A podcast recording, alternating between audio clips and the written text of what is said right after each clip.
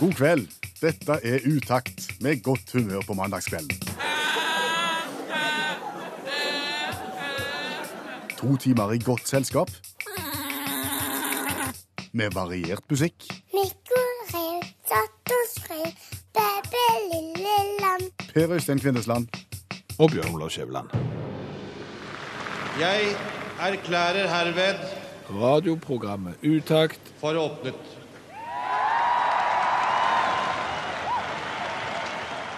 Du, Formålsparagrafen lyder som følger. Utakt skal være godt humør på en mandagskveld, og så skal vi prøve så godt vi kan å være godt selskap på en mandagskveld.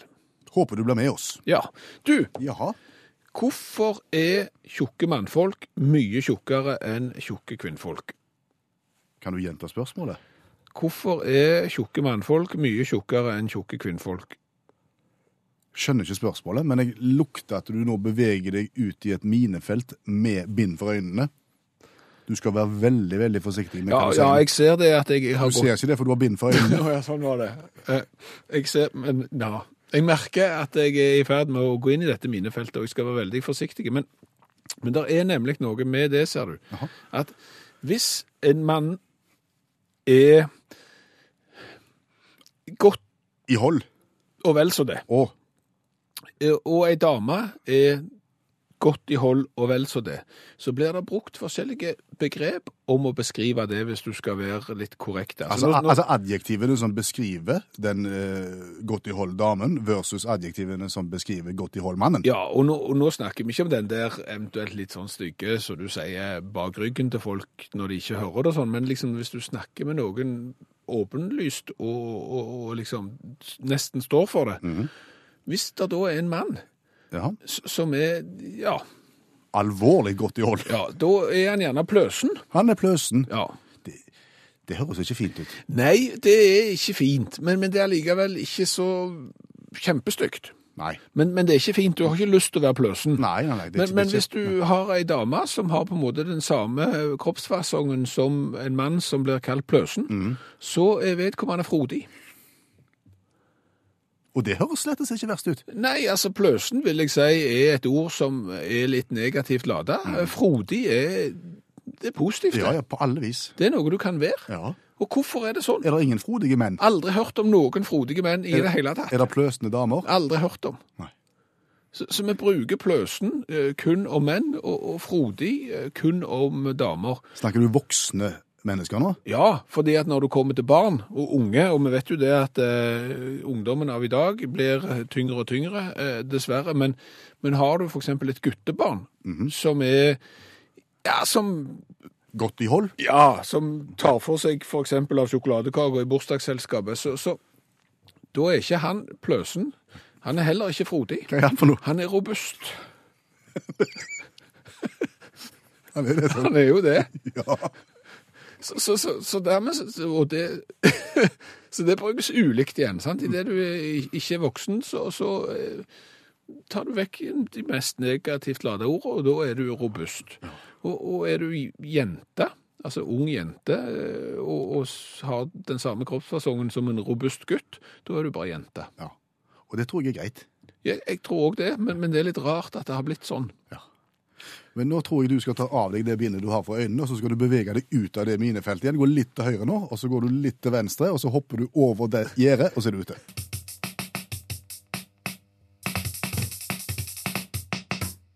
Har du lyst til å være med på fotballquiz? Ja, det er jeg god på. Er du god på det? Ja, pleier det. Ok. Eh, hvor lang og brei er en fotballbane? Oh, det er en sånn kjedelig fotballquiz, det. Jeg vil ha resultater jeg nå, VM og EM og sånn. Men OK. Lang og brei. Ja. Han er 100 meter lang, og så er han halvpart 50 brei. ja, det er rett. Det er rett. Ja. Ok, er du klar for neste spørsmål? Jeg går videre. Hvor lang og brei er en fotballbane? Det har jeg nettopp svart på. Ja, prøv på ny. Jeg, jeg fikk jo rett. Ja, men prøv nå. Den er 90 eh, lang, og så er han 45 brei. Det er rett. Det er rett det å gjøre. Ja. Hvor lang og brei er en fotballbane?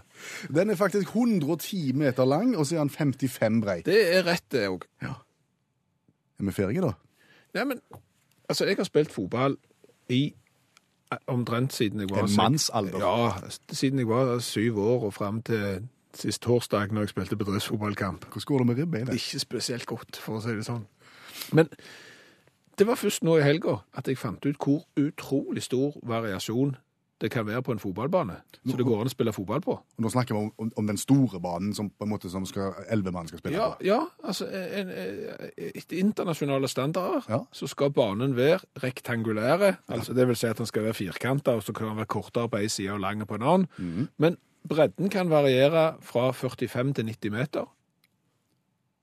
Bredden? Ja, Kan den være 90 meter bred? ja. Og, og, og lengden kan variere mellom 90 og 120 meter lange. Ganske store forskjell. Det er voldsomt store forskjell. Ja. Og, og der tenkte jeg i helga, når jeg satt der, det er det noen som burde bruke mer aktivt enn de faktisk gjør. Å komponere banen på en måte på en annen måte enn det Ja, som for det er jo sånn at jeg, når du er trener, så tipper jeg at du liksom komponere laget ut ifra eh, hvem som er god kor og sånn. Sånn skal det på en måte være. Ja. Men her har du jo òg muligheten til å komponere banen ut ifra hva lag du faktisk disponerer. Når vil du ha bred bane? Eh, Ja, nei, men altså, Tenk deg for eksempel at du har en gjeng som er litt blødfrodige. Eller pløsende? Ja, sant? Ja. De, de er ikke spesielt mobile. Nei, de- Det er klart, Da vil du jo ikke ha en stor bane. Nei. Da vil du ha banen så liten som overhodet mulig, så da går du for 45 meter og 90. Ja. Og så stapper du på inn 11 mann der som er godt i hold. Det er klart, det er ikke lett å komme forbi. Nei. Men hadde den banen vært dobbelt så stor, og sånn, så hadde det vært De hadde jo ikke kommet til, til sin rett da. Nei. Og har du eksempel noen som er, er veldig eh, altså foroverretta, Snarere til å springe. ja, de er ikke så gode på, på, på det defensive. Så tar du gjerne bare 45 meter brei bane, men du tar den gjerne 120 meter lang. og, og, og så spiller du 2-2-2-2-2-formasjonen, for eksempel. Altså, du kan jo... Ja, Nå tar jo du dette her ut i det ekstreme, men jeg, jeg ser jo nå ting som jeg har lurt lenge på, og som jeg nå kanskje skjønner bedre enn jeg har gjort tidligere. For jeg har alltid lurt på hvorfor det er sånn at noen lag er kjempegod på hjemmebane og vinner alt hjemme og styrer kamper og ordner det seg til. Så kommer de på bortebane, og så får de det ikke til. Jeg har jo tenkt to kliss like baner, to stykk kunstgras. Hvor, hvor stor forskjell kan det være? Det må jo kunne gå an å spille nøyaktig den samme fotballen. Svaret er altså at de er vant med én størrelse, og så kommer de og så får de 40 meter lengre bane. Nei. Det er ikke løye de ikke får det til da. Nei, banen er helt like. Den er like. Ja, altså, det er det som er så ødeleggende her, ser du. Fordi at det, etter internasjonale standarder så skal banen være, som jeg sa, mellom 45 og 90 meter breie, og mellom 90 og 120 meter lange. Ja. Så du kan Men- altså være Nei? Men, og så kommer det kjedelige mennet, så har de internasjonalt vedtatt da, at målet skal være 68 meter breie og 105 meter lange for å spille en sånn internasjonale kamper. Sant? Og dermed så blir jo alle stadioner, selv om de kunne varierte, så skal de liksom være godkjente for å spille internasjonale kamper, og så tror gjerne Viking at plutselig så kommer de i Europacupen, og dermed så må de lage en internasjonalt godkjente bane. Så da blir den liksom 68 meter brei og 105 meter lange. Så alt det vi har sittet og kost oss med nå, det er ikke, det er ikke mening i det? Der er mening hvis de hadde vært villige til å tenke ut av boksen, men, men de tør det ikke. Nei.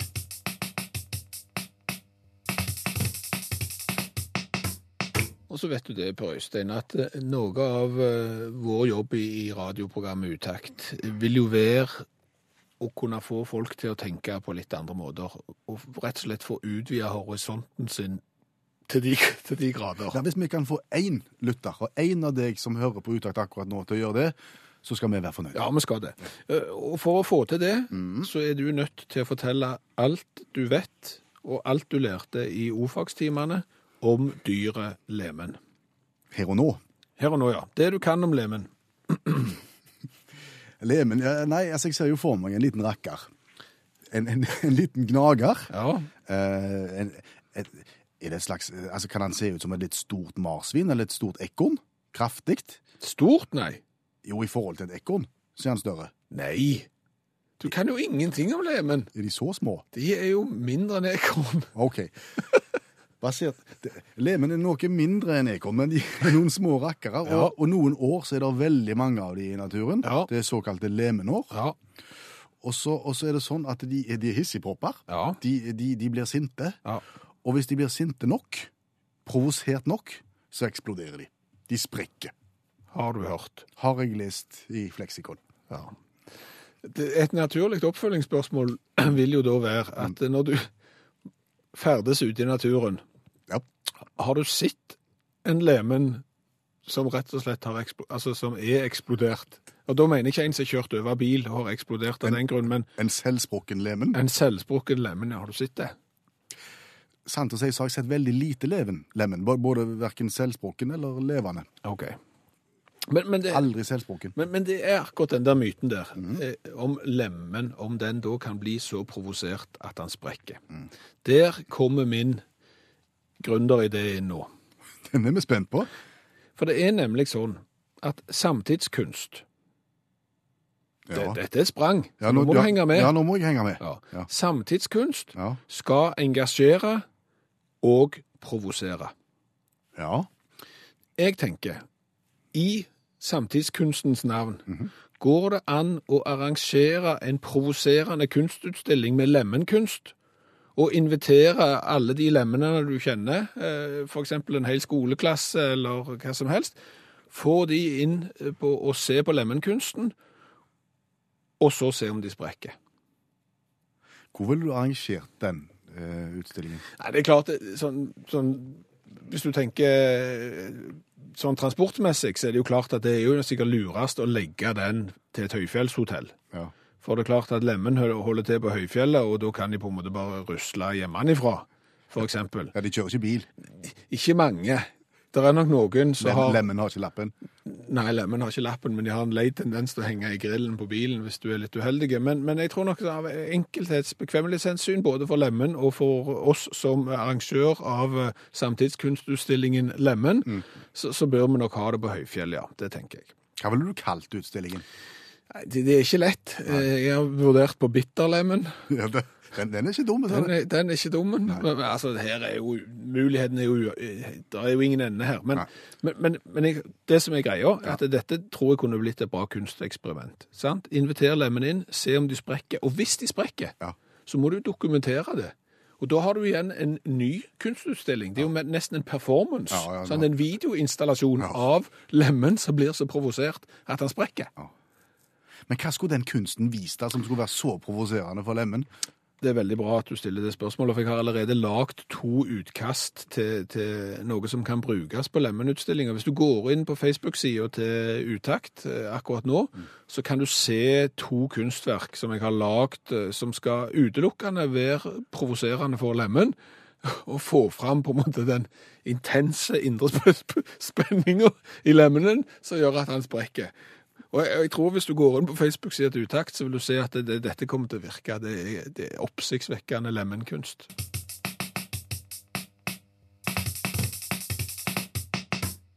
Ingen mandag uten Skjøveland, ingen mandag uten allmennlærer med to vekttall i musikk, Olav Hove. Nei, han besøker oss i studio for å hjelpe oss med ting som vi sjøl ikke har greie på. Er det ikke sånn, Olav? Det er vel omtrent korrekt, ja.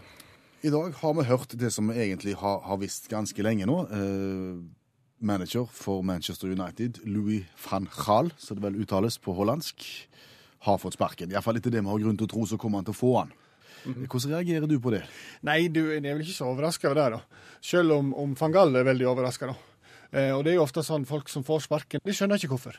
Det finnes mange eksempler på det. Og, og i sportens verden så har vi jo, eh, har vi jo kanskje Micka Grimes som den mest kjente etter Louis van Gaal. Jeg vet ikke om de kjenner til han eh, Nei, jente, jente 14-trener for eh, basketball eh, ved, ved Covenant eh, High School i, i, i Dallas i Texas.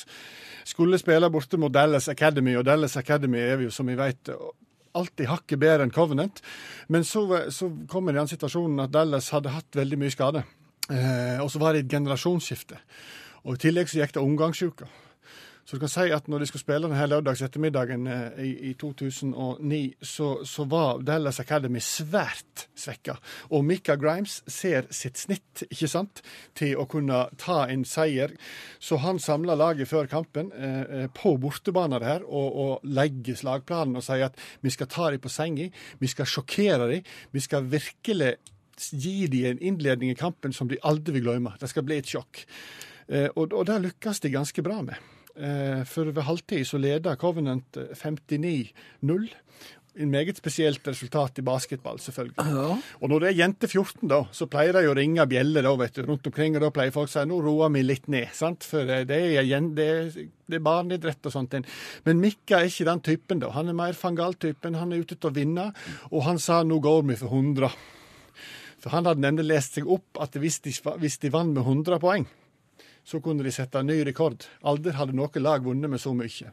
Så de stakkars jentene, de, de ja, De pøste på. pøste på, vet du. Og så når sluttbjella gikk, så var det 100-0 til Covenant jenteskole.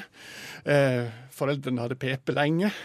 Eh, foreldrene til, til laget som vant, hadde gått for lengst. Um, ja, folk var sure og gretne, mens Mika han hadde sett ny rekord. Aldri hadde et lag vunnet med 100 poeng i jente 14. Og så fikk han sparken. Så fikk han sparken, ja. Og skjønte selvfølgelig ingenting. Eh, fikk beskjed om at hvis du sier unnskyld, så skal du få til jobben din. Da skal vi vende det andre kinnet til. Det er en kristelig jenteskole, dette her. Så eh, det skal vi gjøre. Men eh, han sa at eh, nei, jeg gjør ikke det, altså. Jentene spilte med ære og integritet. Derfor så sier jeg ikke unnskyld, og jeg, jeg syns kanskje ikke skal, skal få sparken. Men dermed så fikk han sparken eh, med den spesielle begrunnelsen en ukristelig tilnærming til konkurranseidrett. Eh, ja. Det er den ene skolen. Andre skolen er de som på en måte eh, gjør sitt beste, men ikke har skjønt kodene. Som f.eks. Vicky Walker, kontorfullmektig fra New Zealand for et eh, helseforetak. 132 ansatte, og hun fikk ansvar for å innføre det nye faktureringsprogrammet på data. Og Det vet vi jo alle ikke er noe særlig kjekt. Verken data eller fakturering er kjekt, og kombinasjonen er jo enda verre. Det blir ofte grå tinninger og krampegråt for de som får ansvaret for dette. her da. Eh, og det ble all slags spørsmål, og det ble kaos, og ingenting fungerte, og alt var gale. Så Vicky Walker fant ut at vet du hva, jeg skal ta og gjøre dette her grundig. Jeg skal skrive dette her på mails, for det hadde hun lært seg. da. Hun var dårlig på data, men hun var flink på mail. Da hadde hun lært seg hvordan du gjør det. Jeg skal skrive mail steg for steg, og skal jeg sende det ut til alle ansatte. Og da er det viktig at jeg er grundig. Så hun skrev med stor bokstav. Absolutt alt skrev hun med stor bokstav. Eh, alle 23 mailene til de ansatte skrev hun med stor bokstav. Og for det, der det var ekstra viktig, så hadde hun rød farge. Og så for å gjøre det ekstra, så gjorde hun fonten litt stor, da. Så hun hadde skriftstørrelse 24, store bokstaver med rød utheving. Etter hvert så kom det en klage på at hun var så sinte. Hun var jo ikke sinte, hun skulle bare forklare seg godt. da. Men, eh, men eh, Sivilombudsmannen og en med den andre ble kobla inn for at hun skjelte ut alle ansatte i 23 mailer med stor bokstav, og fikk sparken på bakgrunn av caps lock, altså.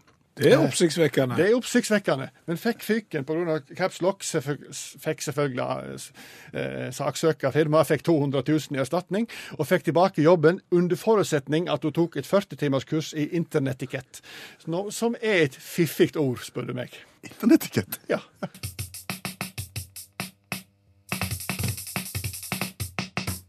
Hvilken by ville du vært hvis du var en by? Jeg har tenkt litt på det. Jeg tror det ville vært Barcelona. Hvorfor det?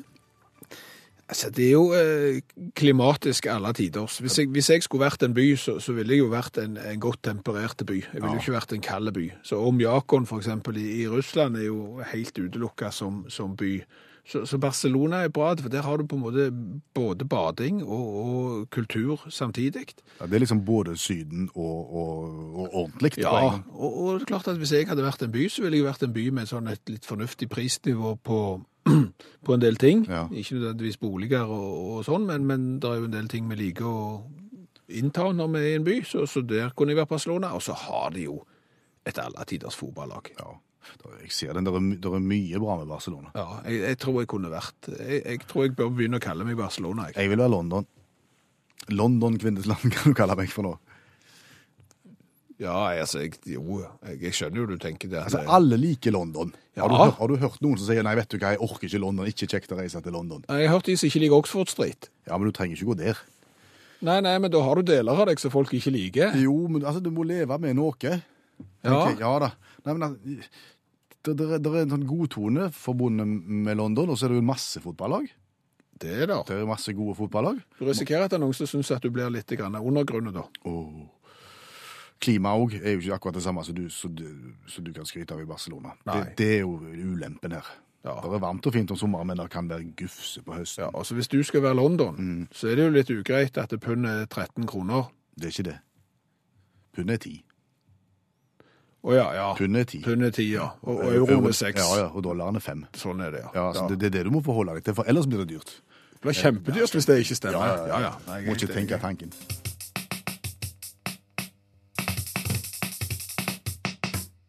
Tidenes dummeste skilt. Skal vi snakke om nå. Ja. Tidenes dummeste skilt. Ja. Hva sto det på det skiltet? Søppeltømming forbudt. Det er ikke et dumt skilt. Det er jo et idiotisk skilt. Det er jo et skilt som gjør at det ikke blir forsøpling. Det er jo et skilt som Altså, hvis det skiltet ikke var der, Mm. indikerer det da at at da er det lov å hive søppel der? Fortell oss om omgivelsen der, altså, der du fant dette skiltet. Søppelforbudt, forbudt, tømming forbudt-skilt finnes jo overalt, men grunnen til at jeg snakker om det nå, er at for ikke mange dagene siden så kjørte jeg en vei som, for å si det sånn, det var ikke hovedvei. Det var ikke heltrukne linjer på siden av asfalten, der var det prikker, så der var Skog og mark. Skog og mark, og svingete opp og ned, og krattskog. Og vet du hva som har skjedd i veikanten der, Skjæveland? I nærheten av skiltet. Der er det en eller annen løk som har satt igjen en eh, brukt tørketrommel, en kondenstrommel, der kondensmaskineriet ikke virker lenger. Ja, Han har helt sikkert satt ut en hjørnesofa òg, og Ja. tilhørende palisanderskap for alt jeg Og så kom det en annen løk og så hva den første løken hadde gjort, og så tenkte han, vet du hva, jeg har òg jeg har noe brystningspanel liggende. Dette her, her ser ut som en plass hvor jeg kan hive ting, så jeg hiver jeg òg. Og så har det blitt et behov, og så har skiltet kommet. Jeg, jeg skjønner jo det. Ja. Eh, altså, jeg skjønner jo hva som skjer, men, men allikevel. Det å måtte sette opp et skilt sånn som det der, Mhm. det er jo et eh, Er det en fallitterklæring for menneskeheten? Ja, jeg syns det. Fordi at det, Vi bør kunne se at her er det grønt og lyng. du, kom, ja, du kommer kjørende der, så ser du her er det skog. Ja. OK, så det her jeg skal Selvfølgelig er det ikke her du skal hive sofaen din. sant? Altså, Det er jo helt innlysende. Og, og det samme er jo faktisk altså Det står jo andre plasser òg. Altså, I bynære strøk så står det jo søppeltømming forbudt og plakatopphenging forbudt. altså Sånne ting som, som på en måte er helt innlysende at du ikke skal gjøre og drive og forsøple med. Ja. Og så allikevel så er du nødt til å henge det opp. Så i, Sett i lys av det, så er det verdens mest idiotiske skilt. Fordi at det burde være Ja. helt selvsagt at du hiver ikke søppel på noe annet enn søppelplasser og i søppeldunker. Sånn er det jo bare. Kan ikke vi bare omdøpe det da til ikke det mest idiotiske skiltet, men det tristeste skiltet på, på vegne av menneskeheten? Jo. Så får du ta og sitte i sofaen heller, og hvis du ikke vil ha den lenger, så får du gå til gjenbruksstasjonen med den.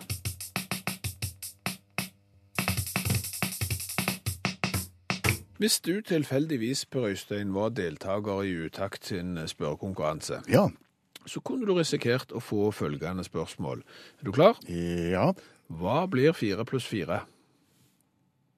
Det er åtte. Det er åtte. Så heldige går det faktisk an å være. Det er spør spørsmål i alle vanskelighetskategorier i konkurransen vår. Vi sitter vel nå på 12-13 spørrebøker som er lagt utover bordet. Du som blir trukket ut til å være med i konkurransen, får spørsmål fra disse spørrebøkene. Enten er det lett, eller så er det vanskelig, men uansett så vanker det T-skjorta med vedhals. Det er det som er så fint, for premien eh, vår er ei T-skjorte med vedhals, og den får du enten det går bra eller dårlig. Det eneste du må gjøre, er å svare rett på inngangsspørsmålet. Ja, det er den som er litt grann vrien, men for noen krav må vi stille, også vi. Eh, Så inngangsspørsmålet lyder som følger. Hør eh, nøye etter nå. Hva heter du, og hvor bor du? Ja. Hva... Hva heter du, og hvor bor du? Og klarer du å svare rett på det, så er du plutselig med i trekningen om å få delta i konkurransen. Send svaret ditt på en SMS til 1987 og start eh, meldingen med utakt. Bare sett i gang og gjør det med en gang, så skal vi bruke de neste ja, ti minuttene cirka på å sortere køen, og så skal vi plukke ut en heldige som får være med i konkurransen, cirka seks-sju minutter over elleve. Var det greit? Ja, hva heter du, og hvor bor du? Der alle må over et lite inngangshinder for å komme inn i selve konkurransen, og inngangsspørsmålet vårt lyder som følger. Hva heter du, og hvor bor du? Eh, der er de som syns at dette er litt for vrient. Bjørn, blant annet, eh, lurte på om det var mulig å få alternativ. Der- Der må vi være strenge. Ja. Det kan vi ikke gi på inngangsspørsmålet. Så dermed så ble det Ronald. Ronald Ramsjø, god kveld.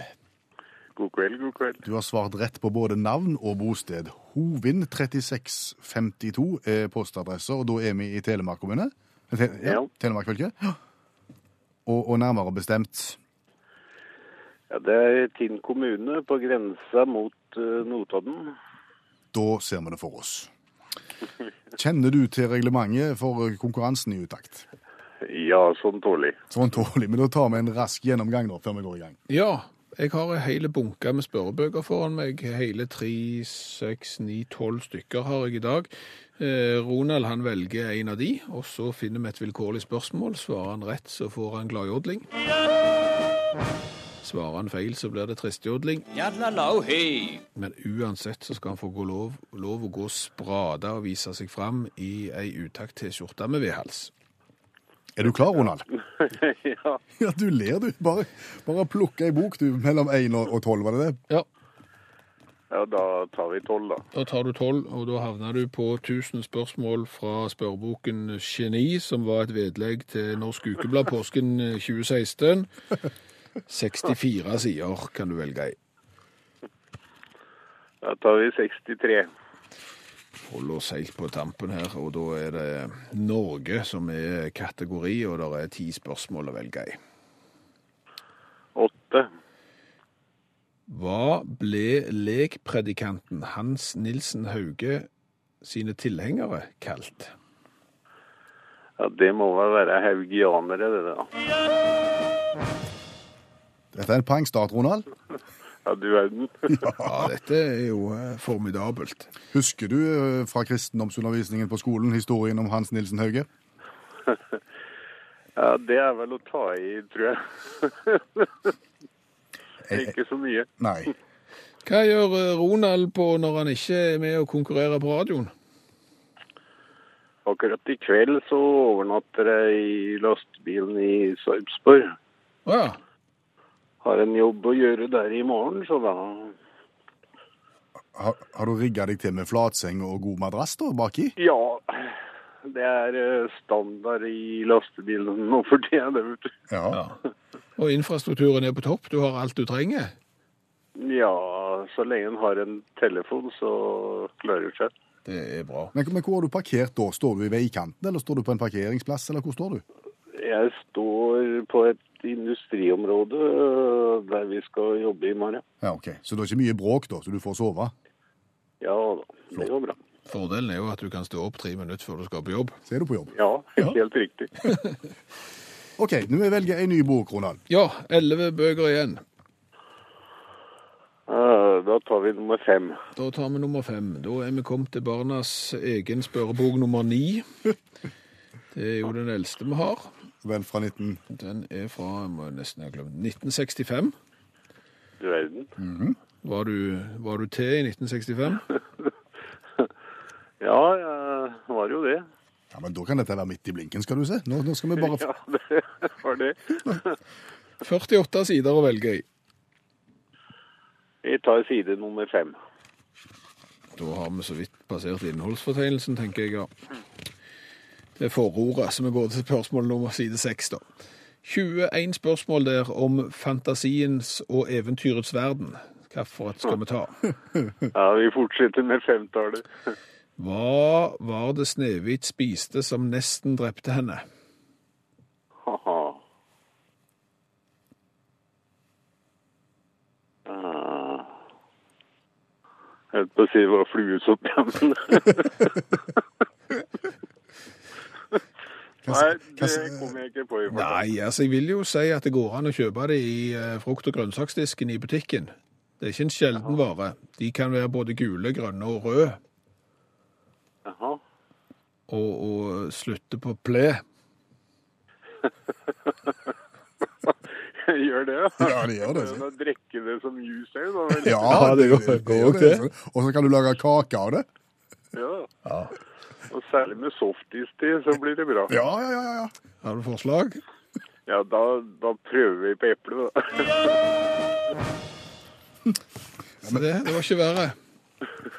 Men vi, altså, altså, tanken her er at vi skal gjøre hverandre gode, og det synes jeg vi er ganske gode til akkurat nå, Roald. Da er det eh, ti bøker igjen, Ja. og da går vi på. Ja. Hvis jeg tar fem igjen, åssen går det? Det går kjempebra.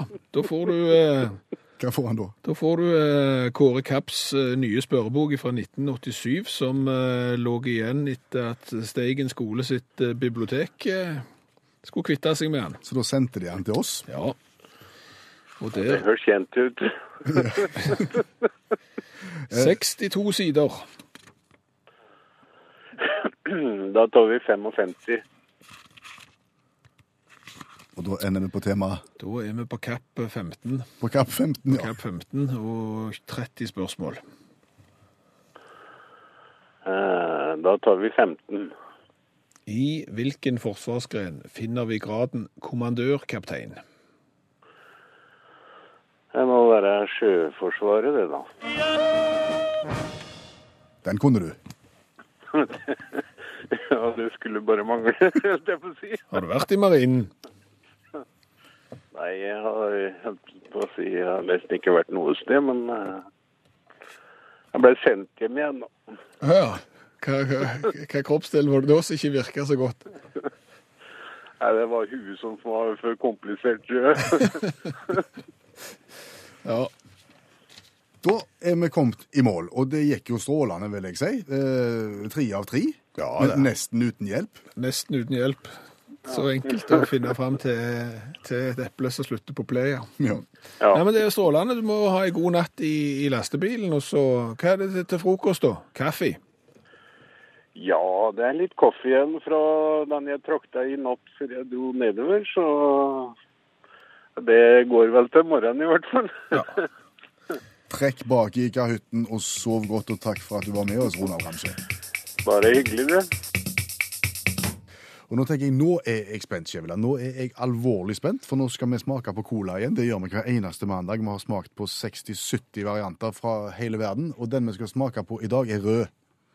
Ja, nesten eh, rosa. Og, og for å si det sånn, hvis jeg skal beskrive den flaska sånn at flest mulig forstår hva vi har med å gjøre her, så ser det, dette nesten ut som en miniatyrflaske av Peach Canay.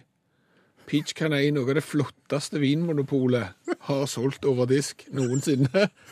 Og, og her sitter vi med en cola som har, der flaska har eh, samme form og samme utseende som en Peach Canay, og innholdet er omtrent like rosa. Ja, faktisk. Det var et godt bilde, det, Skjæveland. Ja. Skal vi si litt om coladugnaden vår for, for uh, lyttere som ikke kjenner til den, før vi nå turer i gang? Coladugnaden er at vi skal fortelle deg eh, som skal reise utenlands, hvilken cola du bør drikke i hvilket land. Fordi at eh, nordmenn reiser mye og, og drikker mye brus, og dermed kan det være greit å vite. Bakteppet er jo at vi syns det er tøft. Ja, ja. Altså, men det er en jungel der ute. Det er så mye colavarianter. Når vi begynte på dette, her, så tenkte vi la oss nå holde på en stund. Nå har vi holdt på halvannet år. Og det er enorme varianter. Og vi, og vi får tilsendt fra deg som hører på når du har vært ute og reist i hele verden. Og i dag så kommer varianten fra Italia. den, Cola Balladin eh, har da utgangspunktet hos en pub Ok. Som begynte å brygge øl, og som har brygd forskjellige typer øl, og, og heiv seg på å lage kullsyreholdig leskedrikk.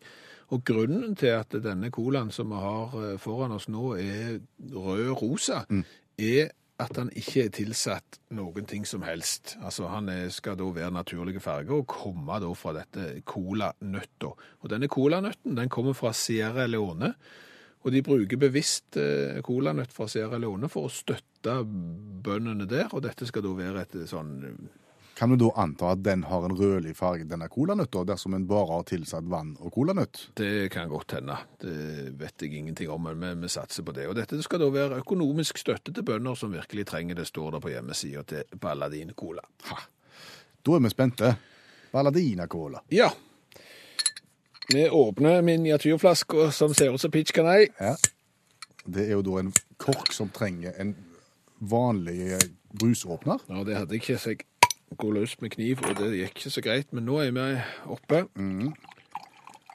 Vet du hva det ser ut som Det ser ut som rødbrus, skråstrek julebrus. Du, du får ingen cola-assosiasjoner når du ser den, så vi er veldig spente på smaken nå. Og det vi gjør nå først, vi smaker og gir karakter fra 1 til 10 på smaken.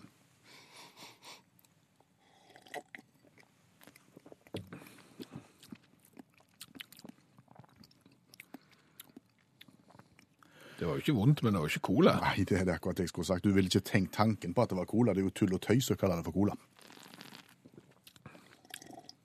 Det heter vel cola fordi det er cola-nøtt oppi, sant? Men du kaller jo ikke italiensk, sant? italiensk salat. Om det hadde vært italiener igjen, så hadde jo ikke det hjulpet. Nei, det smaker faktisk litt syrlig eh, rødbrus, skråstrek julebrus. Ja.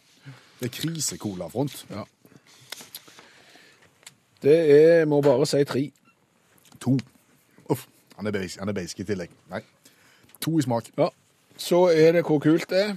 For å si det sånn, når det ligner på Peach Canay, så blir det ikke mye tøffere, så han far gir ti.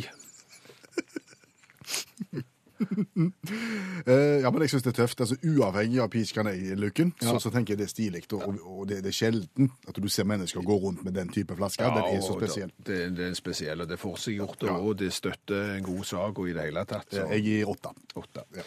Da er vi på 23. 18, ja, 23 totalt. Og da er vi godt over midten, vil jeg tro. Ja, vi, vi er jo det. Det er en 10-15 foran, sånn cirka, hvis jeg skulle ta det på øyemål. Tusen takk til Anja, som tok med seg eh, ba, bal, Hva var det? Balladin. Balladina Cola Cola Balladin. Mm, fra Italia til oss. Og hvis du har lyst til å se alle variantene vi har vært igjennom, eh, poengsummene våre og bilder av flaskene, så går du inn på vår Facebook-side. Nå skal jeg legge ut et bilde av en cola som du garantert ikke har sett fargen på før. 你不会说中文吗？没问题的，语 takt 要教你。 Skjønner du ikke kinesisk? Ingen problem. Utakt vil lære deg. Det er mandag, og det er klart for en ny eh, Kina-leksjon ved Kjersti Hetland. Det er hun som snakker på vignetten her. Eh, velkommen til oss, Kjersti. Shishiniya. Shishi.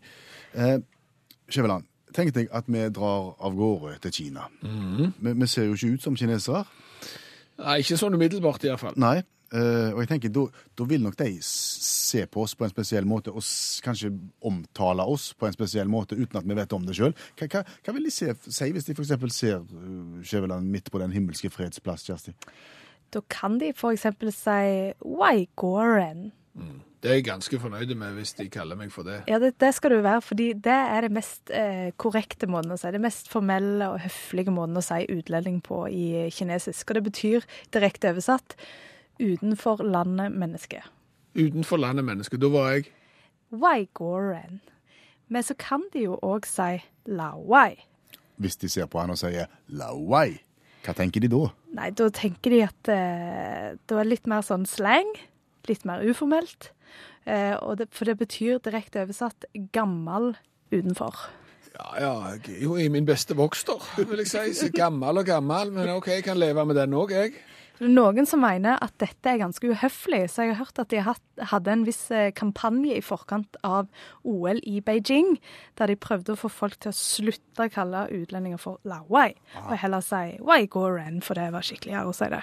Men, men, men hvis han turer rundt på den himmelske fredsplassen, f.eks. hiver fra seg snikkerspapiret sitt og på en måte oppfører seg alt annet enn bra, Det kan jo være de kan si Da bitsu.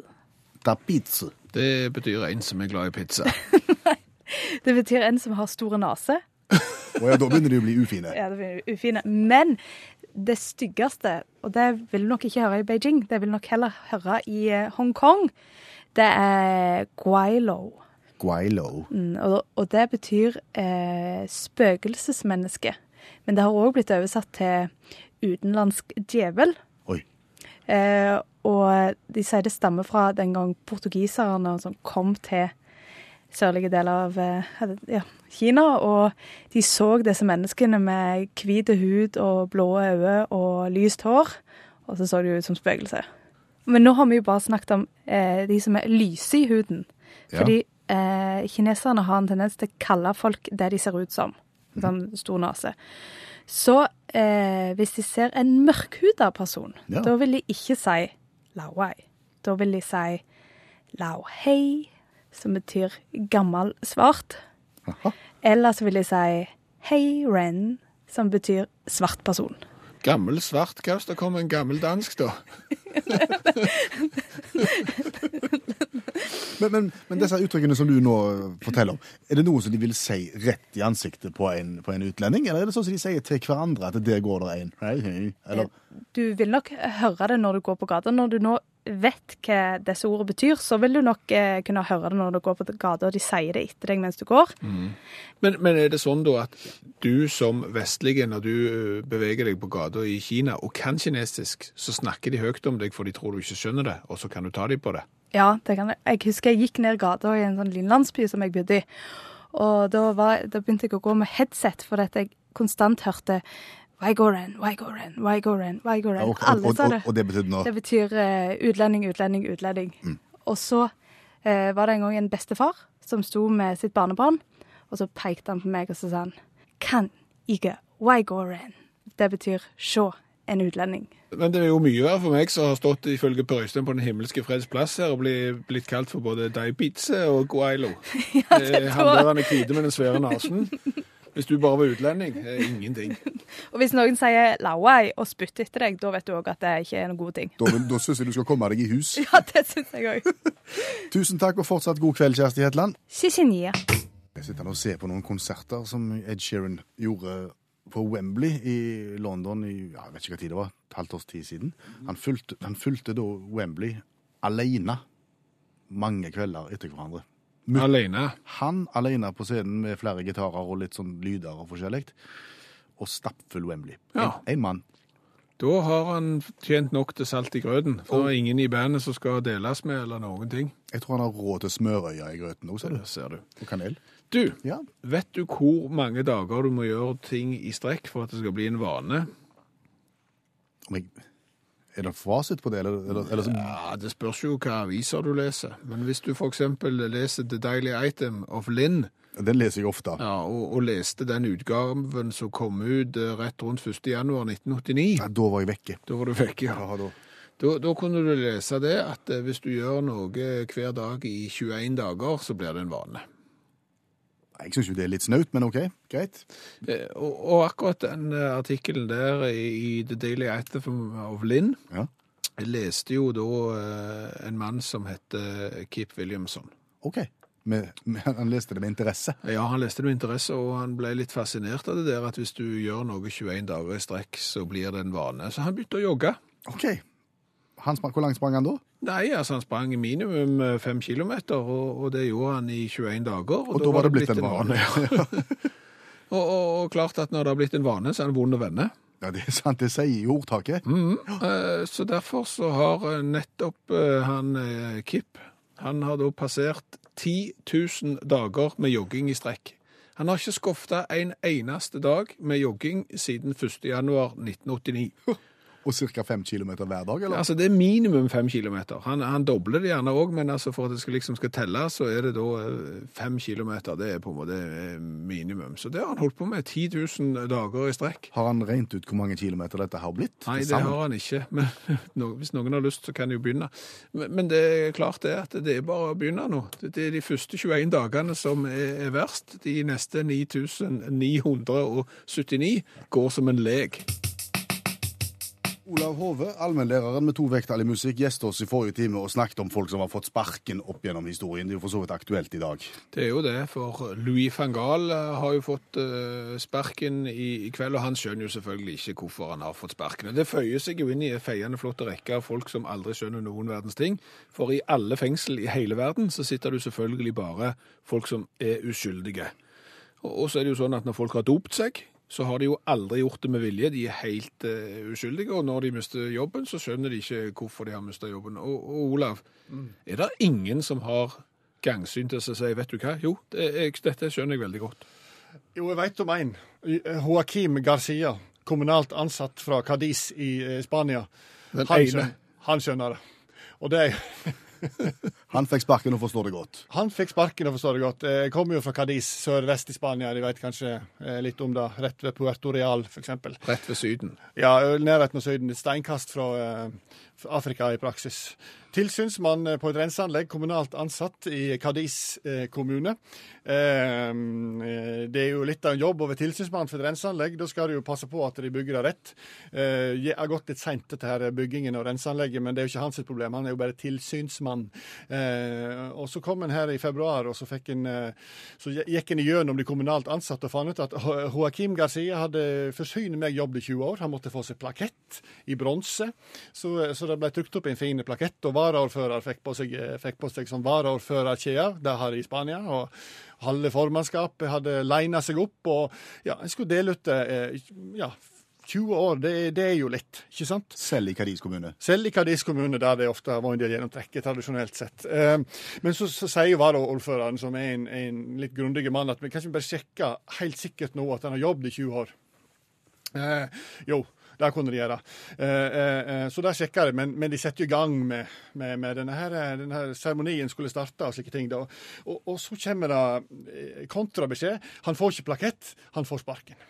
Oi, midt i seremonien? Ja, for det viste seg at, at i, i, i, i 2010 eh, eh, så fikk han denne jobben da, som tilsynsmann. Eh, Etter å ha jobbet først litt i vanlig rundt omkring i teknisk etat, så fikk han denne jobben da i 2010.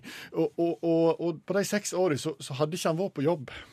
Eh, Han hadde ikke vært innom eh, godeste Joakim Garcia. Han hadde ikke møtt opp en, en eneste dag.